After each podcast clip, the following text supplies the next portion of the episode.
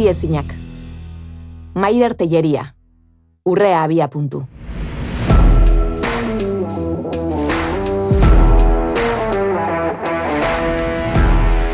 Bartzelonako jokoetan urrezko domina lortu genuen, eta uste inork ez zuela espero uste dut.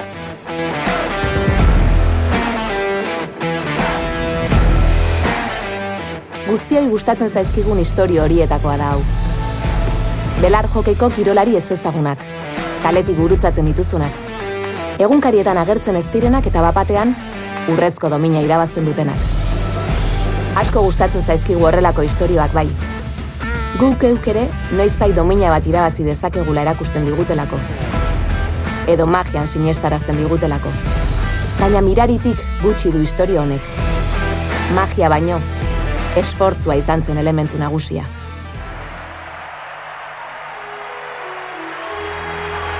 Conseguir la medalla de oro fue una sorpresa para muchísima gente, pero para nosotras y para nuestro equipo de técnicos y técnicas era un logro factible. O sea, nosotras trabajamos muchísimo con el objetivo de conseguirla, pero la gente que no seguía el hockey, el hockey femenino en particular, lo veía como algo que era inalcanzable. Yo creo que no se pasaba por ninguna cabeza. Chamotos, Nagore Gavillanes, Maider Tellería y Silvia Manrique. Tres donostiarras y una alavesa. Teresa Motos Donostiarrak ez zuen zalantzarik izan. Helburua hain argi edukita, iparrorratzak dominaraino gidatu zituen.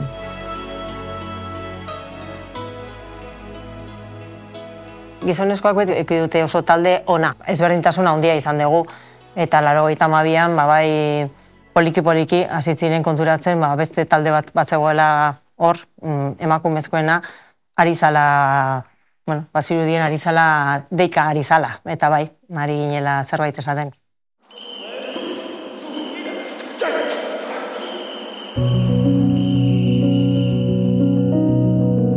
selekzionadorea Jose Brasak hiru aukera eman zizkigun, bat izan zen be, Bartzelonara junta desfilatzera atera, bigarrena izan zen bosgarren postua lortzea, eta hirugarrena izan zen urrezko domina lortzea.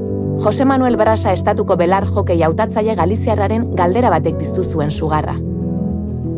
Partidak joan eta partidak etorri, selekzioa galtzera ohituta zegoen. Baina laro amabiko jokoak Bartzelonan egingo zirela iragarri zutenean, Brasa plan batekin agertu zen. Bere hitzetan, plan jasan ezina. Arbela batean alde onak eta txarrak idatzi eta hiru aukera horiek eman zizkien. Ondo pasatzea, bosgarren postuarekin konformatzea, edo urrea lortzea.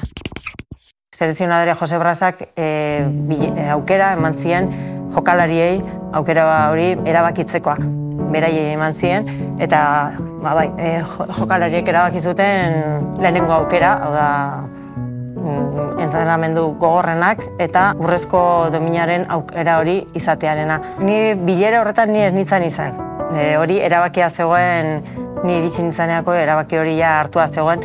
Beraz, ni iritsi nintzanean, ba hori iritsi nintzen entrenamendu lagunen arteko entrenamendu bat zituatik, pasatzetik, e, entrenamendu ulertezin batzutara iristera. Hori lau ordu entrenatzetik goizean eta beste lau ordu arratsaldean ez, ez, ez, ez ulertzen noa gindua zen, e, zer da, hau. Kol pila bat sartzen zizkiguten, eta etzen duen nola, urrea nola lortuko dugu nundik, nora zertan nahi geha pentsatzen, nik ez ulertzen zer baina, jarraitzen zuen, taldeak jarraitzen zuen pentsatzen, lan hau eginez gero, hau ontara iritsiko gera, eta beraz taldeak horrela pentsatzen zuen, eta ni hortan sartu nintzen, dio, ba, bat, hau egin beharko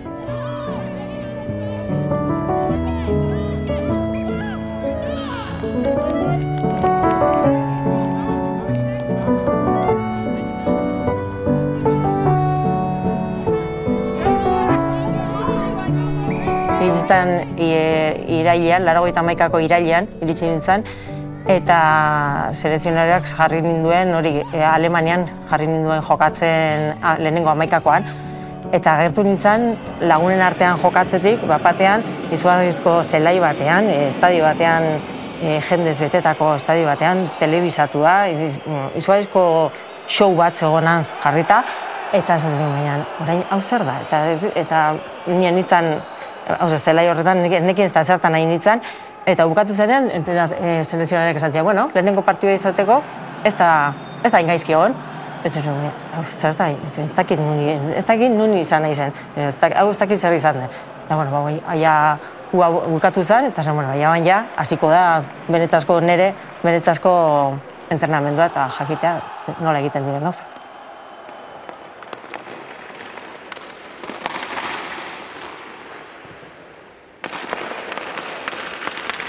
Para los Juegos Olímpicos eh, fue muy innovador. Teníamos un entrenador que era José Brasa con su equipo que estaban todo el día investigando qué podía ser bueno para nuestra mejora. Cosas que ahora se consideran incluso innovadoras, ya las hacíamos nosotras. Eh, fuimos pioneras en muchísimas cosas, tanto a nivel de seguimiento médico, de control fisiológico, pero también a nivel de, de avances en lo que es la tecnología y la investigación en entrenamientos de qué tienes que hacer para mejorar. Y en ese aspecto creo que el equipo femenino de hockey abrió una puerta muy grande con, con muchas cosas que se hicieron. Eta zein izan ziren teknika horiek? Galtzerri eta zapatilla zuriekin jolastea bolarekin ahaz zitezen. Petankako bolekin edo estik astunagoekin entrenatzea, edo bozgorailuetatik armaietako soinua jartzea jendartean jokatzera oitzeko. Hori izan zen urrearen gakoa Julen Erauzkin Team Zentroko kirol teknikariaren arabera. Si hubo un deporte en el que la ciencia aplicada en el alto rendimiento se hizo espectacularmente bien, y a raíz del resultado, no hay ninguna duda, fue el hockey con una buena estructuración técnica, con un equipo sin ninguna limitación, con grandes conocimientos, lo que no tuvieran lo traían de donde hiciera falta y con una cantidad de trabajo impresionante, una concentración permanente. O sea, fue un ejemplo de cómo hay que hacer las cosas. De hecho, años después siempre se sigue poniendo el, el ejemplo de la sistemática que en aquellos cuatro años generó el hockey y que le llevó a ganar el oro cuando no lo esperaba absolutamente nadie. baina agian teknikarik eraginkorrena etzen fisikoa izan, mentala baizik. Aitzindariak izan ziren. Olimpiar joko haietan, hogeita lau orduz eskuragarri zegoen laguntza psikologikoa zuen talde bakarra zen.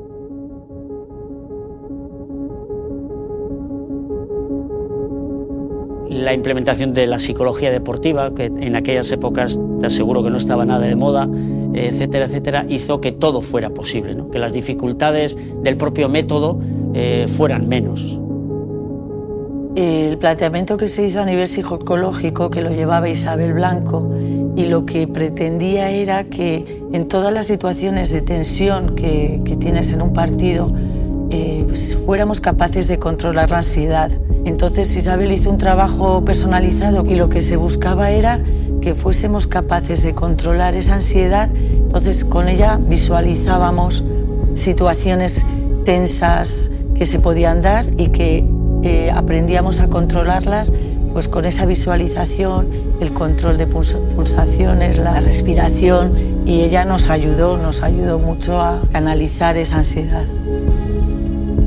Maider Telleriak eta abere taldekidek urrea lortu zutenetik, areagotu eginda belar jokeieko lizentzia kopurua. Hala ere, domina horren aurretik bazeuden zelaian aritzen ziren emakume gehiago. Maria Iestaran da horietako bat. Mila behatzeun da irurogeita zortzian hasi zen Donostiako Alperrak klubean, eta mila behatzeun da irurogeita maikan nazioartera salto egin zuen.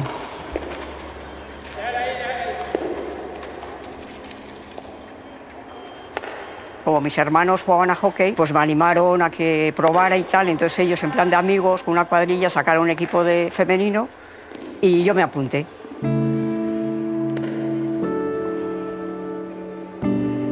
Como físicamente me mantenía bien y me gustaba el deporte, pues al final fui entrando, me fui enganchando al hockey hasta que, que me llamaron a la selección.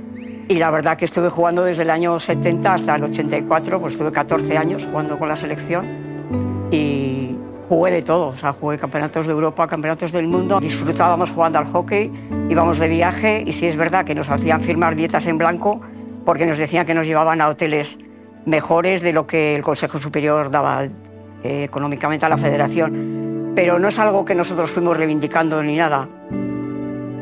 María y estarán en el hockey, no solo en el vasco y en el, donos, en el guipuzcoano, en el hockey español ha sido una persona muy importante. Eh, hacía que los entrenamientos en la Real fueran muy intensos, nos exigía, eh, teníamos buen ambiente, buenas ganas de entrenar y yo creo que Mari fue muy importante para crear un clima de, de lucha, de competición, de querer superarnos, porque ella como jugadora lo había hecho y como entrenadora también nos lo transmitió y ha sido una persona muy importante en nuestra, nuestra trayectoria.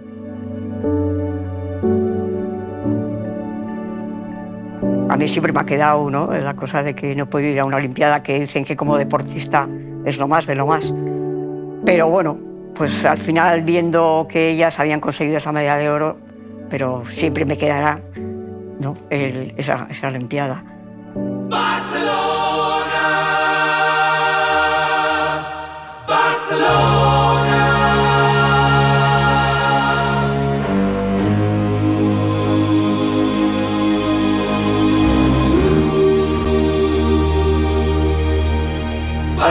92 marcó, marcó un antes y un después, efectivamente, sobre todo en, los deportes de equipo. Creo que fue muy importante que quizá antes se veía más deporte individual, femenino, pero de equipo no se consideraba como, bah, estas, no sé, no te digo que era desprecio, pero no había ese seguimiento de lo que era el deporte femenino como equipo. Y creo que en Barcelona 92 marcó una diferencia entre los equipos femeninos de anteriores a, a después. Fue también una manera de que el público y la gente viera que efectivamente el deporte femenino es muy bonito y es muy bonito de, verlo y, de, jugarlo.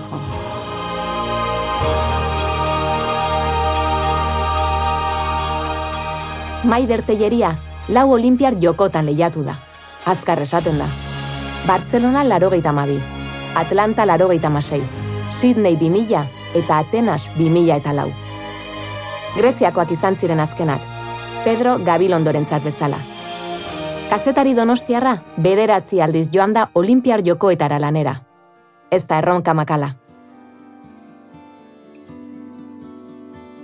En Barcelona todavía la participación femenina en general fue solo del 28%. Sin embargo, ya en Tokio, eh, hace dos años, en realidad, el del 20, que fue el 21, fue ya del 44%. Lo más destacado es que cada vez hubo mujeres que llamaban más la atención por sus espléndidos resultados, incluso para el equipo de la selección española sacó siete medallas y algunas tan espectaculares como la de hockey, de la que podemos hablar, porque eso sí que no se esperaba a nadie. Ese, ese triunfo uh, tuvo mucha trascendencia y ha seguido teniendo durante tiempo, porque pues, era impensable.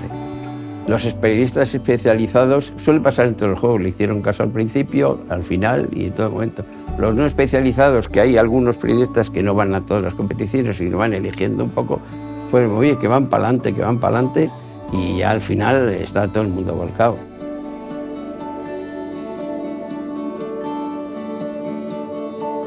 Zalantzari gabe, Bartzelona larogeita mabi mugarria izan zen emakume kirolarientzat. Parte hartzeagatik eskerrak ematetik, urrezko dominak irabaztera pasaziren. Esfortzua, ilusioa, aldarrikapenak, osagai asko izan zituen paradigma aldaketa horrek. Eta horien guztien artean ezin ukatu, ado beken pixua. Maia olimpikoan errendimendu handiko kirolariak garatzeko eta sustatzeko laguntzak.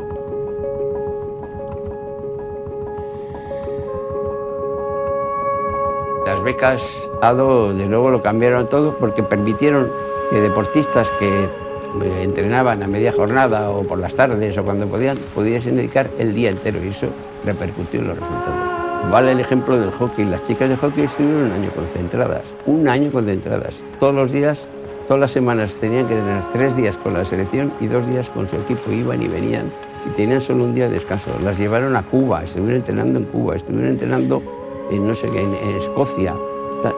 O sea, les dieron una auténtica paliza y eh, eso solo era posible con el parado, se profesionalizaron.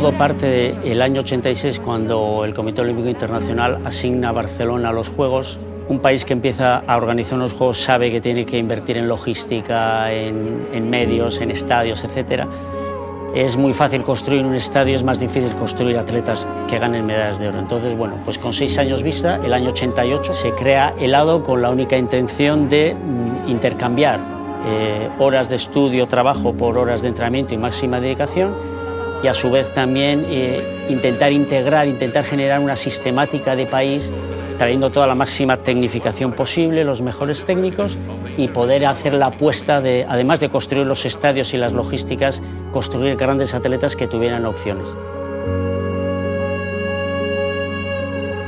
Bueno, la, concesión de, de los Juegos Olímpicos de Barcelona 92 supuso un punto de inflexión bestial en el deporte en general y en el deporte femenino en particular.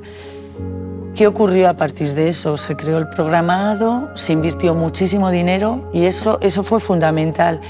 Está claro que si no hay dinero y no se invierte dinero, el, deporte no puede progresar. Y coincidió eh, que se apostó tanto por el deporte masculino y por el femenino. De hecho, se vio que el despegue del deporte femenino fue bestial y tanto en Barcelona como en los posteriores, posteriores Juegos Olímpicos se ha visto que los resultados en deporte femenino se han... Bueno, es que ha sido una evolución increíble y está claro que si tú inviertes y entrenas y dedicas recursos al deporte femenino, pues el deporte femenino se dispara y obtiene muy buenos resultados.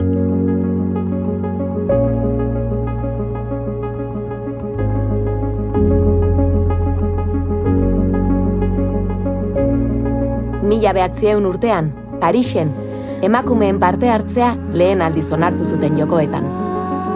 Hiri horretan bertan, eun da hogeita la urte beranduago, lehen aldiz partaiden arteko berdintasuna lortuko da. Paris bi mila eta hogeita lauan, bost mila berreunda berrogeita mar emakumek eta bost mila berreunda berrogeita mar gizonek hartuko dute parte. Finally, the Paris Olympics are now just over a year away.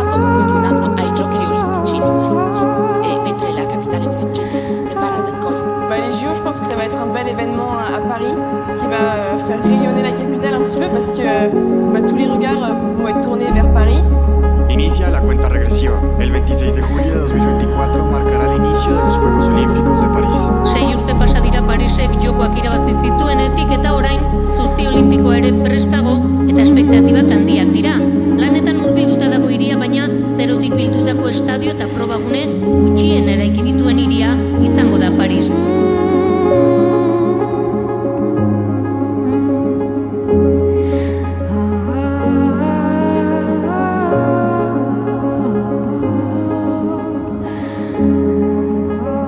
urte pasa dira eta nik uste gaur egun dagoen taldea ere baita gaur egun daude ikusten ditudan taldeak nesken taldeak oso talde onak dira. Motivazioa handia dute eta maila ere oso handia eta ikusi dute posible dela guk egin genuen bezala alegia nahi bada eta burua ere mm, ziur baldin badezu eta guk ere egin bagenu zergatik ez.